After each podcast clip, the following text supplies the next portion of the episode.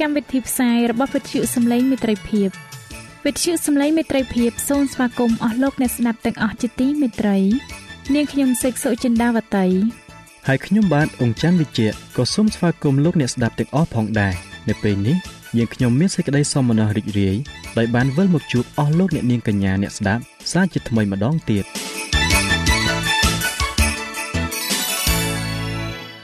នាងខ្ញុំសេកសុចិន្តាវតី សូមជម្រាបជូនកម្មវិធីផ្សាយដែលមានជាបន្តបន្ទាប់ដូចតទៅនេតិជួបជាមួយព្រះបន្ទូលនេតិសុខភាពចា៎លោកអ្នកស្ដាប់ជាទីមេត្រី នាងខ្ញុំសូមគោរពអញ្ជើញអស់លោកលោកស្រីអ្នកនាងកញ្ញាតាមដានស្ដាប់កម្មវិធីផ្សាយរបស់វិទ្យុយើងខ្ញុំដូចតទៅ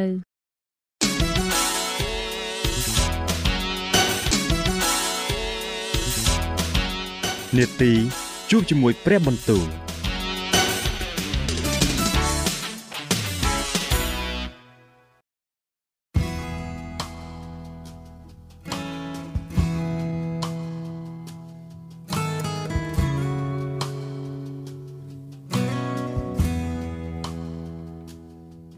ចាអស់លោកអ្នកស្ដាប់ជាទីមេត្រី ជាដំបូងនាងខ្ញុំសូមអញ្ជើញលោកអ្នកនាងស្ដាប់នេតិជួបជាមួយព្រះបន្ទូល នេតិនេះនឹងលើកយកព្រះបន្ទូលពីព្រះគម្ពីរទំនុកដង្កើងដែលនឹងជម្រាបជូនដល់លោកអង្ចាន់វិជ្ជៈដូចតទៅ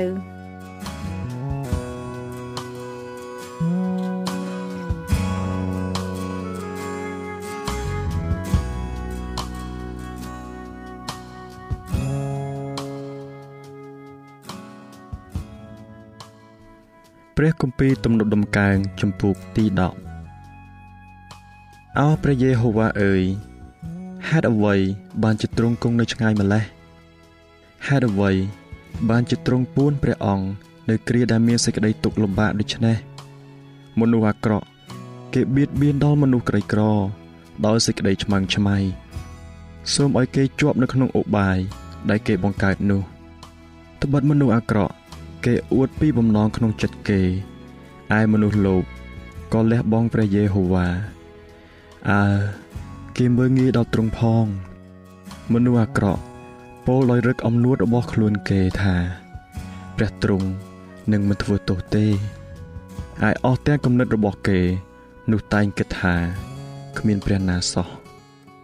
អស់ទាំងផ្លូវរបស់គេសុទ្ធតែលំបាកជាដរាបហើយអស់ទាំងច្បាប់របស់ទ្រង់នោះខ្ពស់ហួសពីភ្នែកគេ គេក៏បូនមាត់លក់លើយ ឲ្យពួកអ្នកដែលតតាំងនឹងគេ គេនឹកក្នុងចិត្តថាអញនឹងមិនត្រូវរង្គើឡើយក៏មិនត្រូវអន្តរាយដល់រាបដល់អស់ទាំងដំណរមនុស្សតទៅមាត់គេពេញដោយពាក្យជេរប្រមាថព្រមទាំងសេចក្តីបញ្ឆោត និងសេចក្តីកំណាចផង នៅក្រោមអណ្ដាតគេ មានសុទ្ធតែកិច្ចកល និងសេចក្តីទុច្ចរិតគេអង្គុយនៅអស់ ទាំងទីលោបចាំនៃភូមិទាំងប៉ុន្មាន នៅត្រង់កន្លែងស្ងាត់កំបាំងនោះគេសម្លាប់មនុស្សជាមនុស្សដែលឥតមានទោសភ្នែកគេរំពៃមើលមនុស្សទុរគតគេឆ្លប់លោបនៅទីសម្ងាត់ដូចជាសឹងនៅក្នុងរូងគេលោបចាំចាប់មនុស្សក្រីក្រក៏ចាប់មនុស្សក្រនោះ ក្នុងការដែលទាញគេមកក្នុងម៉ងគេបំព្រួញខ្លួនឲ្យអោនចោះនោះមនុស្សទុរគត ធ្លាក់ទៅក្នុងអំណាចគេ គេគិតក្នុងចិត្តថា ព្រះទ្រង់ភ្លេចហើយទ្រង់លាក់ព្រះភ័ក្ត្រតូចមិនឃើញឡើយអោព្រះយេហូវ៉ាអើយសូមទ្រង់ក្រោកឡើងអោព្រះអើយសូមលើកព្រះហស្ថទ្រង់ឡើងសូមកុំភ្លេចមនុស្សក្រលំបាកឡើយហេតុអ្វីបានជាមនុស្សអាក្រក់គេមើងងាយដល់ព្រះ ហើយគិតក្នុងចិត្តថាទ្រង់មិនធ្វើទោសទេដូច្នេះទ្រង់បានតូចឃើញហើយ ត្បិតទ្រង់តូចឃើញកិច្ចកលនិងសេចក្តីរំលោភដើម្បីនឹងសងគេដោយព្រះហស្ថទ្រង់មនុស្សទុរគតគេផ្ញើខ្លួននឹងទ្រង់ត្បិតទ្រង់បានធ្វើជាអ្នកជំនួយ ដល់មនុស្សកំព្រាសូមទ្រង់បំបាក់ដៃនៃមនុស្សអាក្រក់ឯមនុស្សពីលនោះសូមរកអស់ទាំងការអាក្រក់របស់គេទាល់តែមិនឃើញមានទៀតព្រះយេហូវ៉ាទ្រង់ជាព្រះមហាក្សត្រដ៏គង់នៅអស់កលជានិច្ច អស់ទាំងសាសដតីបានសូន្យបាត់ចេញពីផែនដីរបស់ទ្រង់ហើយអោព្រះយេហូវ៉ាអើយទ្រង់បានស្ដាប់សេចក្តីបំណងរបស់មនុស្សរៀបទៀបទ្រង់នឹងតាំងចិត្តគេឲ្យមាំមួន ហើយនឹងផ្ទៀងប្រការទ្រង់ស្ដាប់ផង ដើម្បីនឹងកាត់សេចក្តីឲ្យមនុស្សកំព្រា និងមនុស្សដែលត្រូវគេសង្កត់សង្កិនប្រយោជន៍ឲ្យមនុស្សដែលកើតពីដីមក បានលែងកំហកកំហែងគេតទៅទៀត ព្រះគម្ពីរទំនុកដំកើងចំពុកទី11ខ្ញុំយកព្រះយេហូវ៉ាជាទីពឹងជ្រកធ្វើដូចម្ដេចឲ្យអ្នកបាននិយាយនឹងខ្ញុំថា ចូលរត់ទៅឯភ្នំរបស់ឯងដូចជាសត្វហើចោះត្បិតមើលពួកមនុស្សអាក្រក់គេយឺធ្នូគេដំឡើងព្រួយនៅជាប់នឹងខ្សែដើម្បីបាញ់ពីទីងងឹតចំអស់អ្នកដែលមានចិត្តទៀងត្រង់បើសិនជាគោលប្រធានត្រូវបំផ្លាញ នោះតើមនុស្សសុចរិតនឹងអាចធ្វើអ្វីបានព្រះយេហូវ៉ាទ្រង់គង់ក្នុងព្រះវិហារបរិសុទ្ធរបស់ទ្រង់ឯបាឡាំងនៃព្រះយេហូវ៉ា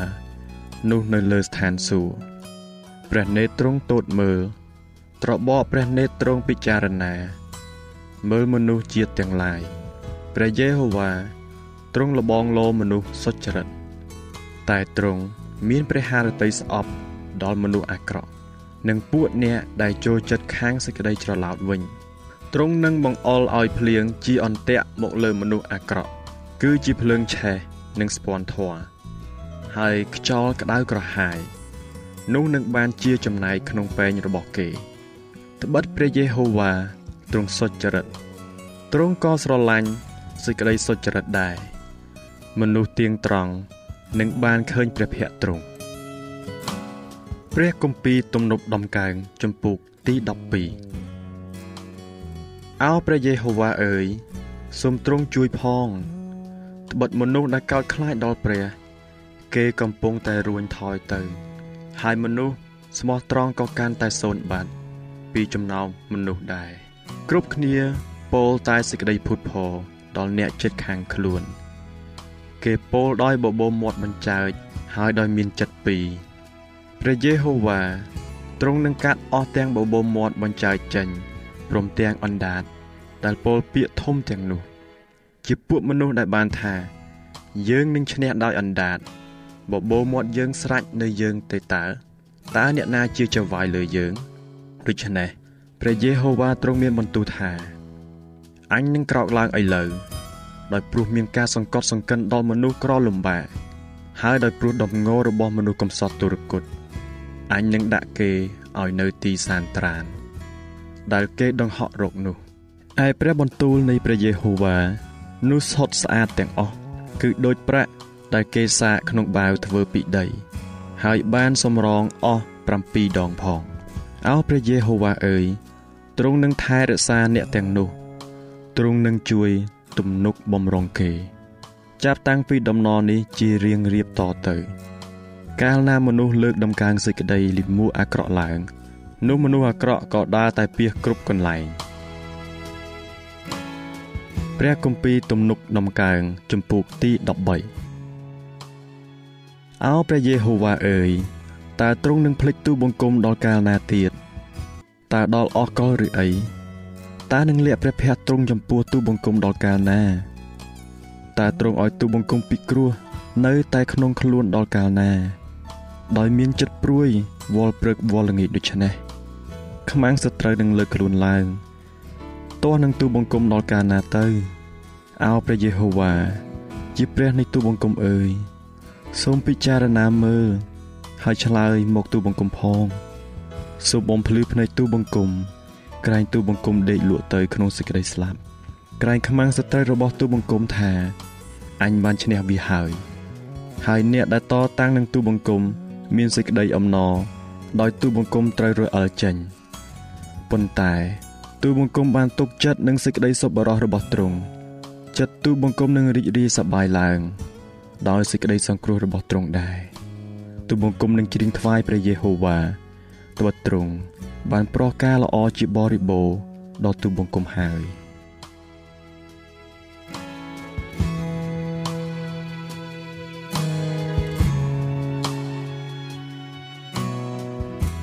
ចា៎ប្រិយមិត្តអ្នកស្ដាប់ជាទីមេត្រី ដោយពេលវេលាមានកំណត់ យើងខ្ញុំសូមផ្អាកនេតិជប់ជាមួយព្រះបន្ទូលនេះត្រឹមតែប៉ុណ្ណេះសិនចុះដោយសន្យាថានឹងលើកយកនីតិនេះមកជម្រាបជូនជាបន្តទៀតនៅថ្ងៃស្អែកសូមអរគុណ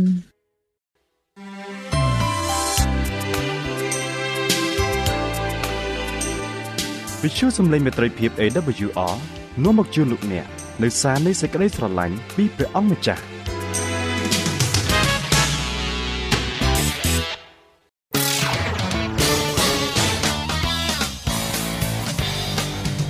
សូមជូន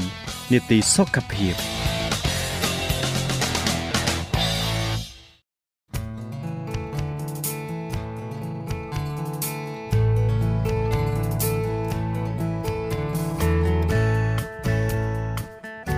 ចា៎នៅក្នុងនីតិសុខភាពនៅថ្ងៃនេះនាងខ្ញុំសូមគោរពអញ្ជើញអស់លោកអ្នកនាងតាមដានស្ដាប់មេរៀនសុខភាពដែលនឹងជម្រាបជូនដោយកញ្ញាឌីណាដូចតទៅ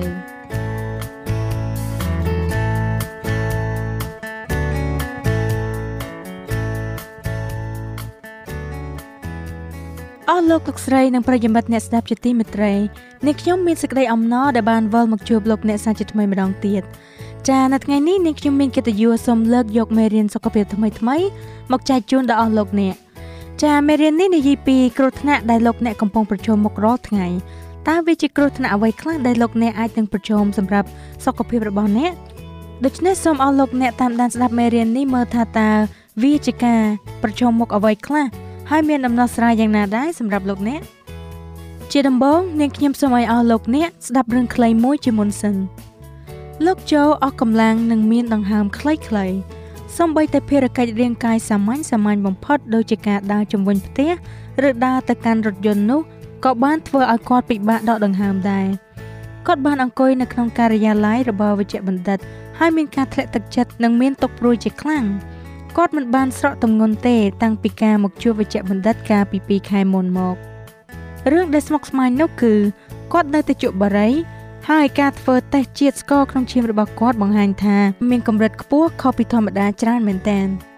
ប៉ុន្តែគាត់នៅតែមិនអាចទប់ទល់នឹងនំដាក់ស្ករដែលគាត់បរិភោគជារៀងរាល់ព្រឹករួមជាមួយនឹងភេសជ្ជៈកាហ្វេឬកូឡាបានដដែលជាលទ្ធផលនៃជំងឺទឹកនោមផ្អែមប្រភេទទី2របស់គាត់ការជក់បារីការធាត់និងរបៀបរស់នៅបែបសុកស្រួលយ៉ាងខ្លាំងរបស់គាត់มันបានផ្លាស់ប្ដូរឡើងអញ្ចឹងហើយបានជាលោកជូ ធ្លាប់មានគាំងបេះដូងលើកដំបូងកាលពី2ឆ្នាំមុនក្នុងអាយុ35ឆ្នាំវាជាការមួយដ៏ធំដែលបន្សល់ទុកឲ្យគាត់នៅស្នាមដ៏ធំនៅលើសាច់ដុំបេះដូងហើយនឹងជំងឺខ្សោយបេះដូងចាដោយការអៀនខ្មាស់បន្តិចលោកជូសម្ដែងការព្រួយបារម្ភរបស់គាត់ជម្រាបទៅដល់លោកគ្រូពេទ្យថាមិនហើយលោកគ្រូពេទ្យខ្ញុំដឹងថាលោកនឹងមិនសប្បាយចិត្តនឹងខ្ញុំក្នុងការដែលខ្ញុំមិនបានព្យាយាមសម្រកទម្ងន់របស់ខ្ញុំហើយខ្ញុំនៅតែជក់បារីបន្តិចបន្តួចសូមអភ័យទោសលោកគ្រូពេទ្យ ខ្ញុំមិនចង់ឲ្យលោកខកចិត្តទេតែលោកគ្រូពេទ្យបានខិតខំលើកទឹកចិត្តគាត់ដោយចិត្តសប្បុរសទាំងចង្អុលបង្ហាញពីការកាំងបេះដូងបានបណ្ដាលឲ្យប៉ះពាល់ដល់សមត្ថភាពនៃការច្របាច់ឈាមនៃបេះដូងជំងឺទឹកនោមផ្អែមដែលមិនអាចគ្រប់គ្រងបាន ការបន្តប្រើប្រាស់បារីនិងការលើសទម្ងន់របស់គាត់ប្រសិនបើគាត់មិនព្យាយាមធ្វើឲ្យមានការផ្លាស់ប្ដូរយ៉ាងខ្លាំងទេនោះគាត់នឹងអាចស្លាប់ទាំងនៅវ័យក្មេងចម្លើយតបរបស់លោកជូគួរឲ្យកត់សម្គាល់ខ្លាំងណាស់ ចុះប្រសិនបើមានការផ្លាស់ប្ដូរបេះដូងវិញលោកគ្រូពេទ្យខ្ញុំធ្លាប់បានឮអំពីការនេះតើខ្ញុំអាចទទួលបេះដូងថ្មីបានទេលោកគ្រូពេទ្យនិយាយខ្ញុំចង់ឲ្យមានភាពងាយស្រួលហើយសាមញ្ញដូច្នោះដែរបេះដូងដែលគេឲ្យនោះអាចប្រើបានតែក្នុងរយៈពេលខ្លីប៉ុណ្ណោះបន្ទាប់មកត្រូវប្រើថ្នាំពេទ្យអស់រយៈពេលរាប់ឆ្នាំតទៅទៀតវិធីនេះគឺជាមធ្យោបាយចុងក្រោយបំផុតដែលអាចជួយបានប៉ុន្តែមានមនុស្សតិចតួចណាស់ដែលមានជោគជ័យ លោកត្រូវតែមានការផ្លាស់ប្ដូររបៀបរស់នៅរបស់លោកហើយត្រូវចាប់ផ្ដើមពីឥឡូវនេះទៅទីបំផុតលោកចូលបានយល់ពីភាពធ្ងន់ធ្ងរនៃស្ថានភាពរបស់គាត់ហើយបានចាប់ផ្ដើមរៀបចំរបៀបរស់នៅរបស់លោកសាជាថ្មី ចាប៉ិតមែនហើយបរិសនិងស្ត្រីរាប់លាននាក់នៅលើពិភពលោកនេះកំពុងតយុទ្ធជាមួយនឹងជំងឺដែលមិនបានប្រាប់ឲ្យដឹងជាមុនដោយលោកโจនេះស្រាប់នៅជំងឺមួយចំនួនដូចជាជំងឺបេះដូងជំងឺមហារីកជំងឺផ្លូវដង្ហើមនិងជំងឺទឹកនោមផ្អែមជាដើម ពួកគេស្ថិតនៅក្រោមកត្តាគ្រោះថ្នាក់ចម្បងចំនួន4គឺទី1ការប្រើប្រាស់ថ្នាំជក់ទី2គឺអសកម្មភាពនៃរាងកាយមានន័យថាលោកអ្នកមិនបានហាត់ប្រាណទៀងទាត់ទី3ការសេពគ្រឿងស្រវឹងនិងទី4គឺការបរិភោគអាហារដែលគ្មានសុខភាពល្អលោកអ្នកអាចប្រឈមនឹងគ្រោះថ្នាក់ហើយលោកអ្នកមិនទាំងបានដឹងអំពីគ្រោះថ្នាក់នោះផងអស់លោកអ្នកស្ដាប់ជាទីមេត្រីនាងខ្ញុំសូមគោរពអញ្ជើញលោកអ្នកស្ដាប់ពីជំងឺធាត់ដែលកំពុងរាតត្បាតពីពេញផែនដីវិញម្ដង បញ្ហាលើសទម្ងន់នឹងការធាត់បានក្លាយទៅជាជំងឺដែលរីករាលដាលពីពេញពិភពលោកដូច្នេះអ្នកជំនាញផ្នែកសុខភាពបានចាប់ផ្ដើមហៅជំងឺនេះថាជាជំងឺរាតត្បាតនៅពេលដែលជំងឺណាមួយឈានដល់កម្រិតខ្ពស់ក្នុងសហគមន៍ឬតំបន់ភូមិសាស្ត្រណាមួយវិទ្យាសាស្ត្រពេទ្យបានហៅជំងឺនេះថាជាជំងឺឆ្លងរាលដាលប៉ុន្តែនៅពេលដែលជំងឺណាមួយដែលកើតឡើងនៅក្នុងផ្នែកជាច្រើននៃពិភពលោកនៅពេលតែមួយគេហៅជំងឺនោះថាជាជំងឺរាតត្បាតពេញផែនដី យោងតាមអង្គការសុខភាពពិភពលោកមនុស្សយ៉ាងហោចណាស់2.8លាននាក់បានស្លាប់ជារៀងរាល់ឆ្នាំនៅទូទាំងពិភពលោកដោយសារតែការលើសទម្ងន់ឬដោយសារការធាត់នោះដោយផ្ទាល់ជំងឺនេះបានវាយលុកចូលទាំងប្រទេសអ្នកមាននិងប្រទេសក្រីក្រ ការធាត់លែងជាលក្ខណៈសម្គាល់ពីសង្គមដែលមានចំណូលខ្ពស់ទៀតហើយប្រព័ន្ធផ្សព្វផ្សាយបានផ្សាយផែនការអស្ចារ្យជាច្រើនសម្រាប់ការសម្រកទម្ងន់ប៉ុន្តែអ្វីដែលល្អបំផុតនិងមានសុវត្ថិភាពនោះ គឺការផ្លាស់ប្ដូររបៀបរស់នៅដូចជាបានស្នើឡើងនៅក្នុងនីតិរបស់យើងខ្ញុំនេះបញ្ហាសុខភាពជាច្រើនបណ្ដាពីការធាត់ជ្រុលរួមបញ្ចូលទាំងការកើនឡើងនៃគ្រោះថ្នាក់ដោយសារជំងឺបេះដូងសម្ពាធឈាមខ្ពស់និងជំងឺមហារីកមួយចំនួនប៉ុន្តែជាមួយនឹងជំងឺធម្មតាបំផុតនោះគឺជំងឺទឹកនោមផ្អែមដែលយើងនឹងផ្ដោតជាសំខាន់នៅក្នុងមេរៀនសុខភាពនេះ មនុស្សជាង1ភាគ3នៃមនុស្ស1000លាននាក់នៅលើពិភពលោកនេះមានជំងឺទឹកនោមផ្អែមមានន័យថាប្រហែលជាម្នាក់នៅក្នុងចំណោមមនុស្ស20នាក់នៅលើផែនដីនេះប្រទេសដែលជំងឺទឹកនោមផ្អែមមានចំនួនកើនឡើងខ្ពស់បំផុតនៅឆ្នាំ2030រួមមានប្រទេសចិនឥណ្ឌានិងសហរដ្ឋអាមេរិកប្រទេសទាំងអស់នេះនាំមុខប្រទេសដទៃទៀតជាច្រើនទាំងប្រទេសអ្នកមាននិងប្រទេសក្រីក្រការធាត់ជ្រុលគឺជាកត្តាគ្រោះថ្នាក់លេខ1នៃការបង្កជំងឺទឹកនោមផ្អែមប្រភេទទី2 មនុស្សច្រើនរហូតដល់80%នៃអ្នកដែលមានជំងឺទឹកនោមផ្អែមប្រភេទទី2ភាគច្រើនជាមនុស្សធាត់ជំងឺទឹកនោមផ្អែមនិងជំងឺធាត់ពេកអ្នកជំនាញសុខភាពជាច្រើនបានដាក់ឈ្មោះថាជាជំងឺទឹកនោមផ្អែមដោយសារការធាត់អត្រានៃជំងឺទឹកនោមផ្អែមបានកើនឡើងយ៉ាងគំហុកនៅក្នុងចំនួនប្រជាជនទូទៅនៅក្នុងប៉ុន្មានឆ្នាំចុងក្រោយនេះដែលមានជំងឺធាត់ជាកត្តាគ្រោះថ្នាក់ជាមួយនៃជំងឺទឹកនោមផ្អែមការប៉ាន់ប្រមាណមួយបានឲ្យដឹងថាមនុស្ស3.4លាននាក់ នៅទូទាំងពិភពលោកបានស្លាប់ដោយសារតែជំងឺទឹកនោមផ្អែមរៀងរាល់ឆ្នាំអង្គការសុខភាពពិភពលោកបានប៉ាន់ប្រមាណថាជំងឺទឹកនោមផ្អែមនឹងក្លាយជាហេតុផលនៃជំងឺដែលបណ្ដាលឲ្យស្លាប់នាំមុខគេទី7នៅឆ្នាំ2013ប្រសិនបើជំងឺទឹកនោមផ្អែមគឺជាសត្រូវនៃជីវិតរបស់លោកអ្នកដូច្នេះវាសំខាន់ណាស់ក្នុងការដឹងអំពីជំងឺនេះហើយនឹងយកឈ្នះលើវាជាមុនអស់លោកអ្នកស្ដាប់ជាទីមេត្រីតើជំងឺទឹកនោមផ្អែមគឺជាអ្វី ប្រព័ន្ធសរសៃឈាមយ៉ាងស្មុគស្មាញរត់ក្នុងរាងកាយរបស់យើង ដែលយើងអាចគិតពីបំពង់ទីយ៉ូមួយមានទំហំចាប់ពីប្រហែល2.5សង់ទីម៉ែត្រខ្លះតូចរហូតដល់0.0005សង់ទីម៉ែត្រដែលល្មមគ្រប់គ្រាន់សម្រាប់កោសិកាឈាមក្រហមមួយ ប្រជិតចូលតាមសរសៃតូចនោះនៅពេលតែមួយ ឈាមបានពំនាំនៅសារធាតុចិញ្ចឹមទាំងឡាយដែលកោសិកាទាំងអស់ត្រូវការនៅក្នុងរាងកាយរបស់លោកអ្នកដើម្បីធ្វើការតាមមុខងារត្រឹមត្រូវរបស់វាប្រភពធម្មពលសម្រាប់កោសិកាគឺជាទម្រង់សាមញ្ញនៃជាតិស្ករដែលគេហៅថា glucose កាលណាជាតិស្ករ glucose នេះច្រើនពេកអាចធ្វើឲ្យខូចកោសិកាដូច្នេះរាងកាយមានវិធីដ៏អស្ចារ្យមួយក្នុងការគ្រប់គ្រងបរិមាណជាតិស្ករក្នុងឈាម វាធ្វើដូច្នេះបានដោយសារតែ insulin គឺជាសារធាតុផលិត ដោយកោសិកាក្នុងលំពេងទឹកនោមផ្អែមគឺជាជំងឺរ៉ាំរ៉ៃមួយ ដែលមានចំនួនជាតិស្ករនៅក្នុងឈាមច្រើនពេកលើសពីសេចក្តីត្រូវការរបស់រាងកាយដែលជាហេតុបណ្ដាលឲ្យរាងកាយក៏មិនបានផលិតអាំងស៊ូលីនតាមធម្មតាដែរជំងឺទឹកនោមផ្អែមប្រភេទទី1គេស្គាល់ថាជា TIDM Type 1 Diabetes mellitus ព្រោះវាជាអ្នកប្រឆាំងនឹងការបង្កើតអាំងស៊ូលីននៅក្នុងរាងកាយដែលមានន័យថាជាតិស្ករមិនត្រូវបានគ្រប់គ្រងប្រកបដោយប្រសិទ្ធភាព រីឯជំងឺទឹកនោមផ្អែមប្រភេទទី2គេហៅថា T2DM type 2 diabetes mellitus អស់លោកអ្នកស្ដាប់ជាទីមេត្រីចុះជំងឺទឹកនោមផ្អែមប្រភេទទី3វិញច្រើនកើតឡើងចំពោះមនុស្សប្រភេទណាដែរចាជំងឺទឹកនោមផ្អែមប្រភេទទី3អាចកើតឡើងនៅក្នុងស្ត្រីមានផ្ទៃពោះដែលមិនមានជំងឺទឹកនោមផ្អែមពីមុនជាញឹកញាប់ជំងឺនេះកើតឡើងបន្ទាប់ពីរយៈពេល3ខែនៃការមានផ្ទៃពោះ ការធាត់កើតឡើងក្នុងពេលមានផ្ទៃពោះគឺជាកត្តាគ្រោះថ្នាក់មួយឈានមុខគេសម្រាប់ការធាត់ក្នុងវ័យកុមារវាក៏បង្កើនសក្តានុពលសម្រាប់សពាតឈាមខ្ពស់ក្នុងអំឡុងពេលមានផ្ទៃពោះក៏ដូចជាផលវិបាកធ្ងន់ធ្ងរដទៃទៀតនៃការមានផ្ទៃពោះដែរទារកដែលកើតពីម្ដាយដែលមានជំងឺធាត់អាចមានពិការភាពពីកំណើតនិងបញ្ហាបេះដូងជំងឺទឹកនោមផ្អែមក្នុងអំឡុងពេលមានផ្ទៃពោះអាចនាំឲ្យមានផលវិបាកដ៏សំខាន់ដល់ទាំងម្ដាយនិងកូន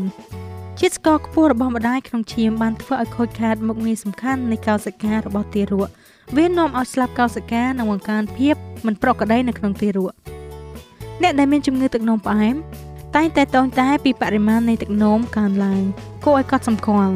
កម្រិតខ្ពស់នៃជាតិស្ករក្នុងឈាមរាលដាលចូលទៅក្នុងទឹកនោមការកើនឡើងនៃសារធាតុរាវរួមទាំងជាតិស្ករបានបាត់បង់តាមរយៈទឹកនោមបណ្ដាលឲ្យពួកគេផឹកទឹកច្រើនដើម្បីទូទាត់ ទាំងសងត្រឡប់មកវិញ ការកើនឡើងនៃសារធាតុរាវរួមទាំងជាតិស្ករបានបាត់បង់តាមរយៈទឹកនោមបណ្ដាលឲ្យពួកគេផឹកទឹកច្រើនដើម្បីទូទាត់ទឹកសងត្រឡប់មកវិញទម្ងន់នៃរាងកាយអាចនឹងថយចុះនិងមានការខូចខាតតាមរយៈពេលយូរចំពោះសរសៃប្រសាទនិងជំងឺឈាមក្រោយមកទៀតអាចបណ្ដាលឲ្យមានការគាំងបេះដូងជំងឺដាច់សរសៃឈាមក្នុងខួរក្បាលនិងខ្សោយតម្រងនោម ការបំផ្លាញសរសៃឈាមអាចបណ្ដាលឲ្យមានភាពដំបៅคล้ายដល់អវយវៈរបស់យើងចាអស់លោកអ្នកស្ដាប់ជាទីមេត្រីនៅកម្មវិធីសុខភាពលើកក្រោយនាងខ្ញុំនឹងជម្រាបជូនជាបន្តទៀតអំពីវិធីទប់ស្កាត់ឬវិធីបង្ការជំងឺទឹកនោមផ្អែមនាងខ្ញុំសូមជម្រាបលាអស់លោកអ្នកត្រឹមតែប៉ុណ្ណឹងសិនចុះហើយសន្យាថានឹងវិលមកជួបអស់លោកអ្នកសាជាថ្មីម្ដងទៀតតាមពេលវេលានិងម៉ោងដដែលសូមឲ្យព្រះជាម្ចាស់ប្រទានពរដល់អស់លោកអ្នកទាំងអស់គ្នាឲ្យមានសុខភាពល្អ សូមអរគុណ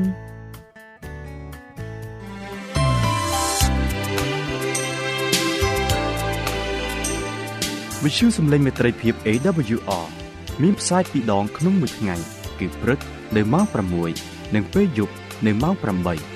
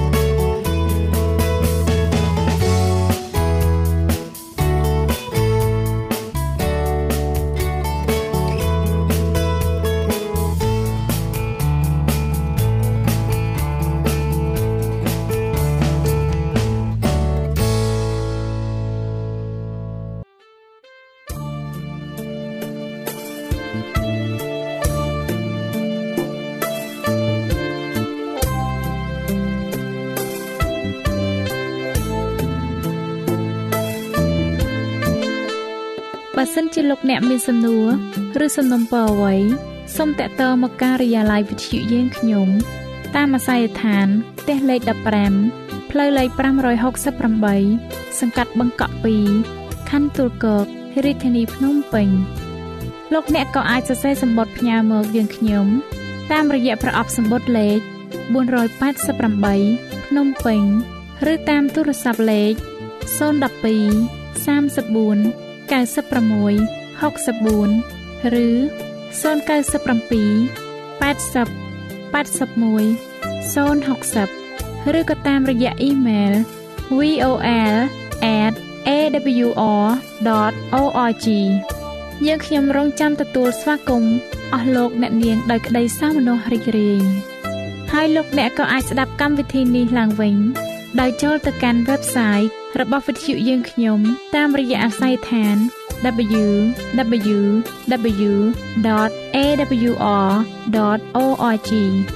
លោកអ្នកនាងកញ្ញាជាទីមេត្រី កម្មវិធីផ្សាយរបស់វិទ្យុសំឡេងមេត្រីភាពនៅពេលនេះសូមបញ្ចប់តែប៉ុណ្ណេះយើងខ្ញុំសូមអរគុណចំពោះការតាមដានស្ដាប់របស់អស់លោកអ្នកតាំងពីដើមរហូតដល់ចប់យើងខ្ញុំសូមជូនពរឲ្យអស់លោកអ្នកនាងកញ្ញាទាំងអស់បានចម្រើនឡើងក្នុងព្រះគុណព្រះអង្គម្ចាស់ ហើយក្នុងការទទួលយកព្រះយេស៊ូវគ្រីស្ទជាព្រះអង្គម្ចាស់និងជាព្រះអង្គសង្គ្រោះនៃយើងរាល់គ្នានាទីផ្សាយរបស់វិទ្យុយើងខ្ញុំនឹងវិលមកជួបអស់លោកអ្នកសាជាថ្មីម្ដងទៀតនៅថ្ងៃស្អែកវេលាម៉ោងដដែលនាងខ្ញុំសេកសុចិនាវតីនិងខ្ញុំបាទអ៊ំច័ន្ទវិជ្ជៈសូមអរគុណសូមជម្រាបលា